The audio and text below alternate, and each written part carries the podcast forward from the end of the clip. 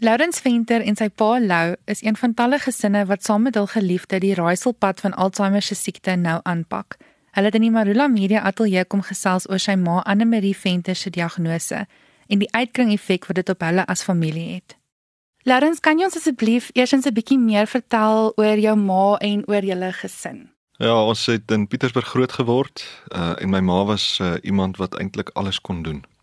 Sy was uh, baie begaafd en uh, baie vriendelike mens. Sy's een van die mense wat ek en en dit sal enige iemand kan getuig. Sy's lief vir kinders en sy's lief vir die Here. En ons het haar so leer ken. So sy het huis huishoudkunde studeer, is daarin opgelei. Uiteindelik het sy 'n somatoloog geword in in die skoonheidskunde. Maar ehm um, sy is ook 'n kunstenaar en goed met naaldwerk, so sy kan sy kan kos maak en sy kan uh naaldwerk doen en sy kan skilder. Sy kan omtrent eintlik enige iets doen waaraan 'n mens dink wat 'n ma moet kan doen in 'n huis. Ja, so het ons uh, vier kinders in die huis groot geword. My, my my ma was iemand wat baie beleefd was. So sy sy het uh, sy het baie dinge kon doen en sy wou ook altyd baie goeders doen ja, mense sal vandag vir jou sê so sy het uh, in haar eie vermoëns het sy ehm um, selfs waterverf gedoen en as jy nou in bietjie daai rigting ingaan, het sy moet jy op 'n sekere vlak kan inskryf om te kwalifiseer om jou eie handtekening te kan maak, so met ander woorde om 'n geregistreerde skilder te word. Sjoe. En uh sy Eh, het vyf skilderye wat op 'n sekere kwaliteit ge, gemaak was. So sy is eintlik 'n new signature in terme van skilderkuns en dit was maar net eintlik haar haar vreugde en dit is hoe goed sy is. So ja, dit is maar as 'n mens nou dink uh mense het van ver af selfs van Pretoria af Pietersburg toe gery om by haar sy te uh, vir al vrouens gehelp met permanente gremering en omdat dit so belangrik is om gesig te teken, was dit deel van haar werk. So sy het nie net probeer om mense mooi te maak nie, sy het hulle probeer teruggee wat hulle verloor het in hulle lewe. En nou sy weg. Kan jy vir my bietjie meer oor haar diagnose vertel? Wanneer het dit gebeur en wanneer het jy vermoed dat sy dalk Alzheimer se siekte het? Dit is nou al 'n geruime tyd. Ons het seker as ons nou vat 20 15 rond 20 ja ons het uh, net van Hoedspruit af Kimberley toe verhuis en in Hoedspruit was my ouers redelik gereeld by ons oor naweke uh betrokke en daar was natuurlik 'n trekpleister in die vorm van 'n tweeling wat gebore was. Ons het hulle gereeld gesien, so ons het redelik vertroud geraak met hulle daar en ons het my ma was haar eie self. Sy was opgewonde oor klein kinders waar sy haar hele lewe lank na uitgesien het. En toe vertrek ons Kimberley toe en gevolglik het ons hulle baie minder gesien. En so rondom 2015, 2016 rond het ons agtergekom, veral my vrou het agtergekom dinge is nie reg nie. Ehm um, ons het my ma was altyd beleefd om te vra hoe kan sy help in die huis as hulle nou vir 'n week of wat kom kuier. En uh, dan sy gehelp om bietjie kos te maak en voorbereiding te doen. En ek onthou baie goed een oggend, dit kan miskien 'n Dinsdag of 'n Woensdagoggend wees, het ek voor 9:00 die môre moes ek vir die 5de keer vir haar sê die kos wat sy vandag moet maak is eintlik maalvleis en dit lê op die kombuistafel. En uh, ja, dan kom 'n mens agter iets is nie reg nie. Dis meer as net vergeet. Is sy die eerste een in julle familie om hiermee gediagnoseer te word? Mm, en al die families. Ja. Weerskante, op en af, die kant dubbel, daai kant niks niks niks nie een nie. Niemand nie. Ja, eie moeder het 91 geword, amper 92. Uh Anna en uh, sy was nog by haar helder verstand uh op daardie ouderdom. So dit is 'n groot skrik vir ons. Sy was 86 toe bestuur sy nog in Johannesburg. Wat was julle as gesin? Maar dan ook haar onmiddellike reaksie toe hulle besef het hierdie is nou die diagnose wat sy nou gekry het. Sjoe, ek weet nie, ons het maar dokter toe gegaan en sy het saam gegaan en ons het nie baie daaroor gepraat nie. Sy het altyd ontken. Ons was baie dankbaar daar was gemeentelede in Kimberley nog steeds daar, Lorika en Kobus van die kerk en hulle het eintlik maar gehelp en gereël. Lorika se eie moeder het ook hierdie siekte gekry en so sy was baie bewus daarvan en ja dit help nogal as 'n mens vriende het wat bewus is en 'n mens net 'n bietjie touwys kan maak waarheen om te gaan en wat om te doen. So ons is toe nou verwys om om 'n uh, afspraak te maak by 'n dokter hier in Centurion sonder dat ons geweet het ons sou hier opeindig. En uiteindelik het ons toe nou 'n afspraak gemaak en en is daar 'n diagnose gemaak. Maar as ek vir jou iets kan sê oor my ma se eie belewenis daarvan, sy wil dit nie hê nie.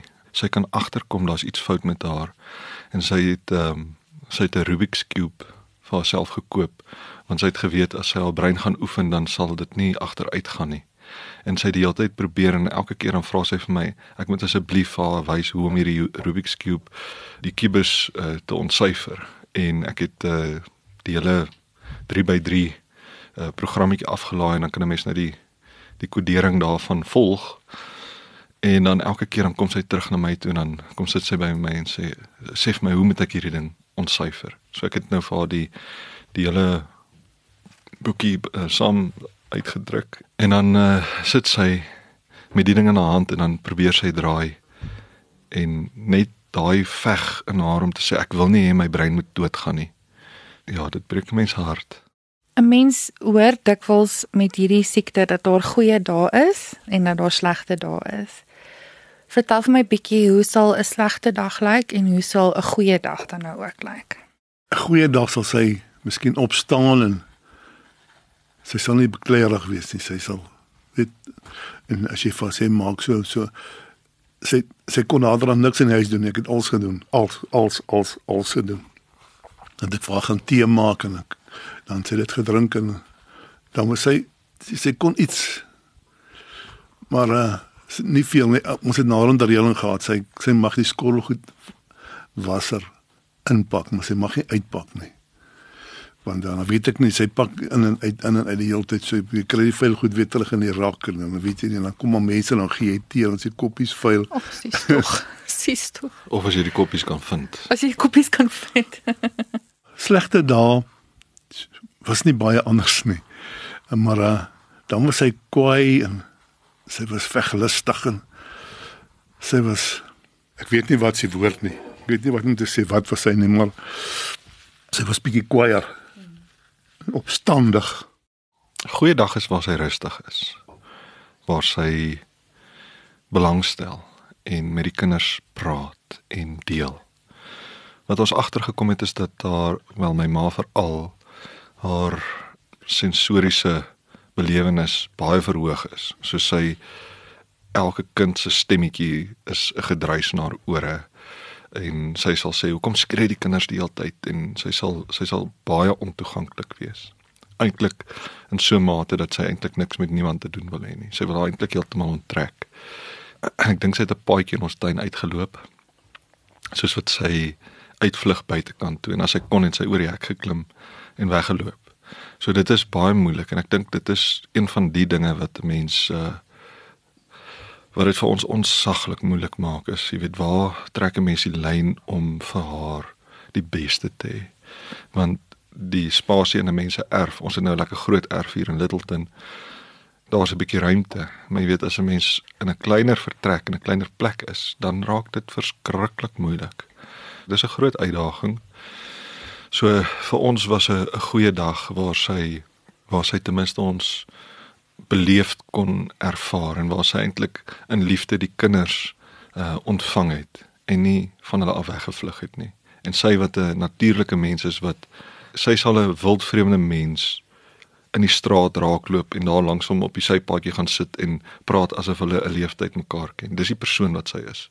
En selfs by die gemeente het mense dit al so beleef. Sy sal sommer hier met 'n vrou wat sy van geen kant af ken nie, wat 'n nuwe intrekker is of net 'n besoeker is, daarmee arm hê en praat asof hulle ou vriendinne is. Dis die dis die geaardheid wat sy is. Dis 'n goeie dag.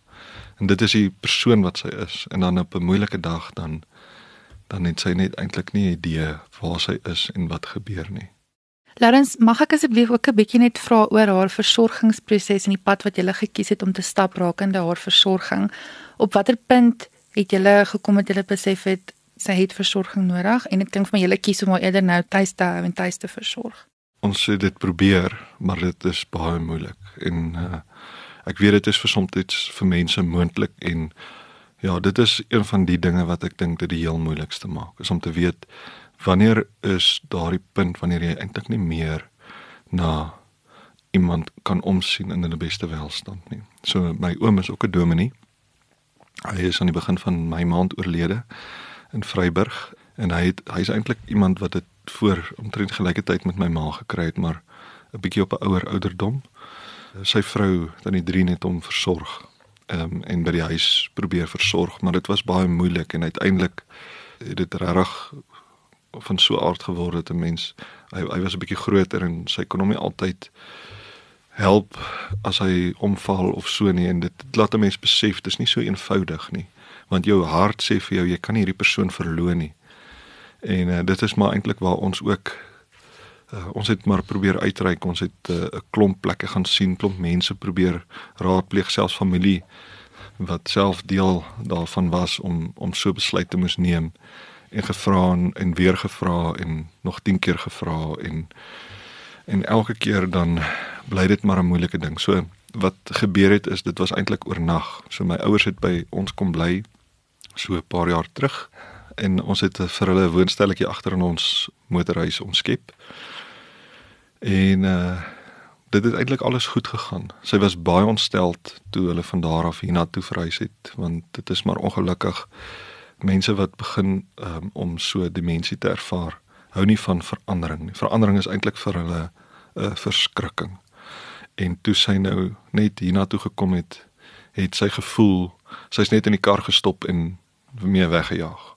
En sy het eintlik haar hele wêreld is nog eintlik daar. So die onmiddellike geheue word eers uitgewis. So jy jy dis amper 'n regressiewe belewenis. So jy jy onthou nou nog verlede week en dan onthou jy net verlede maand en dan onthou jy eintlik net verlede jaar en dan onthou jy 10 jaar terug. Die geheue gaan van van jou onmiddellike tyd af terug. So sy kan nog haar kinderjare onthou en sy kan haar jong mensjare onthou sy helder. Jy kan met haar lang gesprekke voer. So mense wat sy 10 jaar terug ontmoet het en wat sy ken, is vir haar soos vandag. So sy sy ken al haar vriendinne, so haar ou bekende wêreld is hy word eintlik haar haar wêreld. En die al die goeie so al die kinders wat nou gebore is, die kleinkinders veral die wat mees onlangs gebore is, onthou sy nie. Dit is waar dit baie hartseer word. So sy onthou mense van die verlede, maar sy onthou nie die onmiddellike geskiedenis nie. So wat nou gebeur het was dat ehm um, sy het letterlik op 'n dag net gesê sy sien nie meer kans om saam met my pa te bly nie en soos wat haar gee weggegaan het sê sy sy soek hierdie ou man nie. sy is nie met so 'n man getroud nie. En ehm um, hy het ja, al die slaan my, hy het my geslaan en hy stamp my, sê sy vir die kinders. Ja, daar kom maar baie van hierdie goeters en uh, in die behandeling het ons ook agtergekom dat daar se dis geweldig belangrik dat 'n mens sal onthou dat daar's twee elemente en dit sal die dokter waarskynlik ook vir julle sê. Daar's verskillende soorte depressie medikasie wat ook kan help dat wanneer 'n persoon begin agterdogtig raak want in in ons belewenis het my ma my my pa die heeltyd verdink. Kyk sy hy kon nie beweeg nie. Sy was soos 'n stertjie agter hom aan. En as hy net gegery om iets te gaan koop soos 'n brood te gaan koop en haar nou nie saamneem nie, dan dink sy hy het nou na 'n girlfriend toe gegaan of Oeh. iets soos dit. Die agterdog was astronomies en 'n mens kan dit amper nie glo nie. En toe die dokter vir ons gesê maar daar's 'n manier. So het ons die medikasie verander en onmiddellik het dit verbeter. So dis iets waarna mense regtig kan kyk wat in ons lewe baie gehelp het. So die agterdog het verminder en dan 'n ding wat wat daarmee saamgaan is dat hulle voel die heeltyd mense steel hulle goed. Dit so diefstal is baie hoog op die prioriteitslys, maar dit is net omdat hulle alles weggesteek en nie kan kry nie dit is 'n moeilike ding. So mens moet daai fyn balans hê tussen wanneer moet jy nou moedeloos raak en moed opgee en wanneer kan 'n mens 'n bietjie lag. 'n Mens moet ook bietjie die humor sien in wat soms gebeur, want dit maak dit draaglik. Maar dit help ook as die regte medikasie gegee word en daar moet 'n vaste rotine wees. So al wat ek kan sê is rotine, rotine, rotine, rotine. En hoe meer rotine daar is, hoe makliker is dit om daai persoon in hulle gerusheid te hanteer. Wat sou julle sê is julle grootste stukkie advies vir enige iemand wie ook 'n geliefde het wat nou op hierdie pad is? 'n Mens moet baie versigtig wees. Jy moet verskriklik simpatie en empatie hê En jy moet nooit sê ek het vir jou gesê of ek het dit vir jou gesê of dat gesê. En ek is nou nogal vinnig partykeer dan voor ek my kon kry dat ek klaar gesê maar ek het dan net jou klere uitgepak. Soos ons gaan Sondag kerk toe dan sit ek al klere op die bed neer, dan gaan stort dat ek terugkom het weggesteek het sy ander klere aan. nou onmiddellik sê jy sê nou kan dink en sê maar ek het dan al net vir jou die goed gegee. Natuurlik. En dan hierdie vrou Welma van die Alsander het gesê man seker goed sou wat. Sy trek baie keer drie blouse oor mekaar aan en 'n bra bo oor dis die verskriklikste goed wat sy aan. Dis twee verskillende skoene. Dit is duidelik, maar, maar sy sien dit nie. Sy trek dit aan. So jy moet sy het al gesê man, so what? So what? Weet so what? Moenie so as jy nie jy moet dan net nie jy moet nie steur nie. Jy moet nie die kant toe of die kant toe los het dat sy al gang gaan maar in die, in die, moet jy maar net bietjie stuur en alles. So ja, dit vat baie. Met die tyd kry jy ou daarom bietjie meer uh, geduld en en so maar ek eh, en ek raak opgewonde en ek is 'n harde prater en dan sê ek skree vir haar moenie vir haar skree nie. Ons kom eintlik 'n lang pad, baie lank pad wat ek al lankal wat ek het baie ons vir my gesê pas op vir dit en pas op vir dat en jy moet pas op sy gaan die huis aan die brand steek. Jy moenie los dit sy kos maak nie want sy los dit goed op die oond. Sy sy was baie lief vir eiers en en curry en maak sy vir kook sy ses eiers en maak sy vir haar reis en so as dit so curry dan eet sy daai dan sit nou genoeg vir haar vir 'n week. En dan kry hom eendag dan ek ry maar iets is nie gaaf in die huis en ek soek haar en ek roep en alles toe ek agterkom toe lyk die eiers al so gebrand die pot ook hy sy het net opgesit en geloop. Nou word ek baie keer af wat jy agterkom as sy gemaak tee. Maar dan sy nooit die ketel aangesit nie. En dan kom sy terug en sy sê o nee sy gaan gou tee maak en dan of sy maak tee dan los dit in die potjie dan. Sy skink nie sy weet en toe ek naderhand gesien maar ek moet vir sê ek sal ek wil vir jou dat ek nou 'n bietjie vir jou tee maak en so dan dit het baie beter gegaan. Een van die belangrike dinge wat 'n mens moet besef is dat ehm um, dit gaan nie help dat jy iemand probeer reg beklei nie. Dit gaan niks verander nie. En soms raak 'n mens gefrustreerd. So een ding waaroor ek met my pa baie gepraat het was dat 'n mens so lank saam met iemand leef dat jy gewoond is aan hulle swakhede. Jy ken nou al my vrou probeer nie eers om haar sleutels weg te steek nie, dit is van self weg. En ek aanvaar dis maar net altyd so. En wanneer die sleutels nou 'n bietjie meer weg is en bietjie verder weg is, dan kom jy dit nie so direk agter nie want sy het nog altyd die sleutels misplaas. Ek dink daai gewoonte sondes word meer sonder dat jy besef. Dis amper soos die padda in die pot wat warm kook. En teen die tyd wat die water vuur warm is, dan besef jy eintlik te laat jy moes nooit so opgetree het soos wat jy het nie.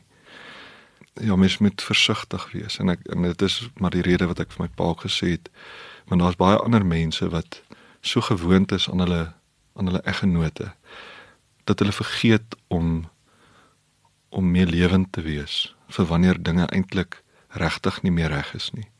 So dis baie moeilik vir iemand wat saam met iemand leef om die regressie te sien. Vir ons wat my ma nie so gereeld gesien het nie, kon ons onmiddellik agterkom iets is fout.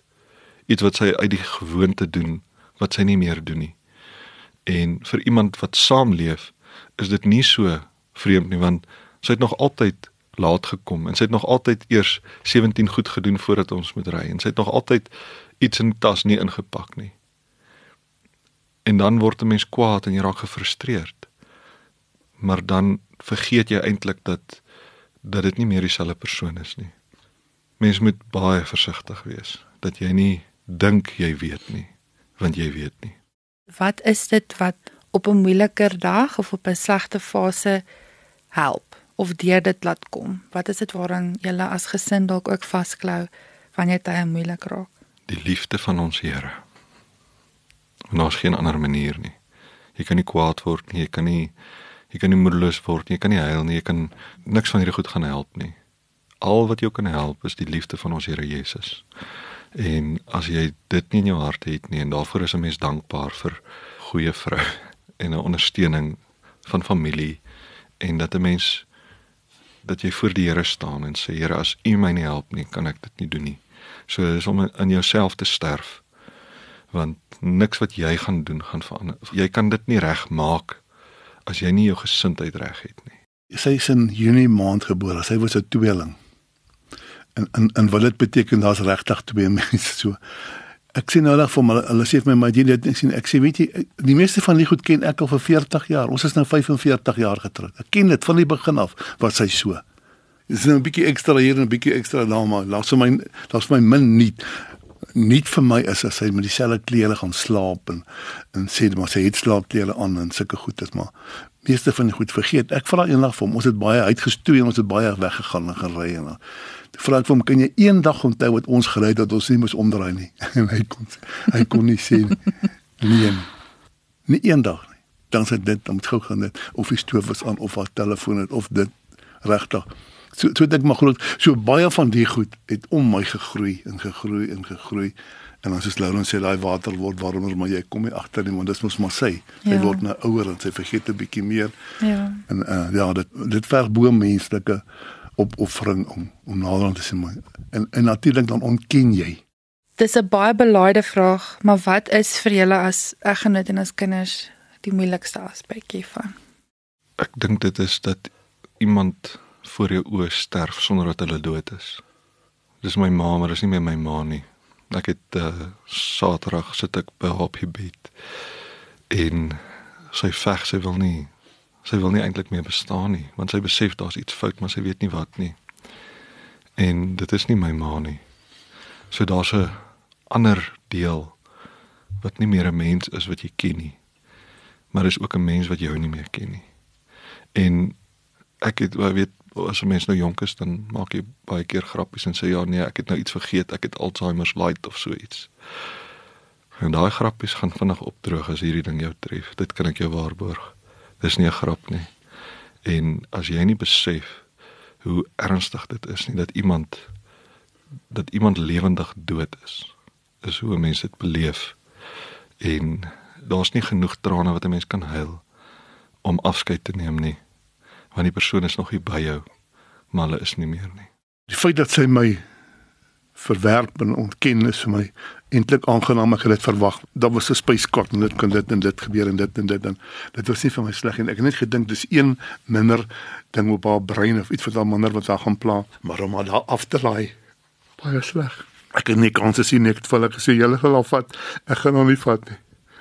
Ek vrees die dag as hy vir my sê, dan ons skei hulle aan ons loop en sy sê vir my los jy my hier? Dis seker die moeilikste deel.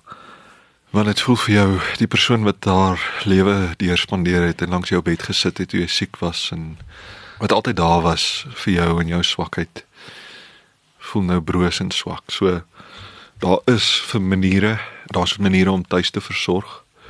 En as dit in 'n mens se vermoë is, dan dan is die persoon nog altyd nader aan jou. Dit is definitief 'n opsie. En uh, ek weet daar's mense wat hulle lewe lank hulle ouers kon versorg. En daarvoor is 'n mens eh, mens staan in verwondering, want dit is nie maklik nie. Ek weet nie hoe 'n mens dit altyd moontlik kan regkry nie.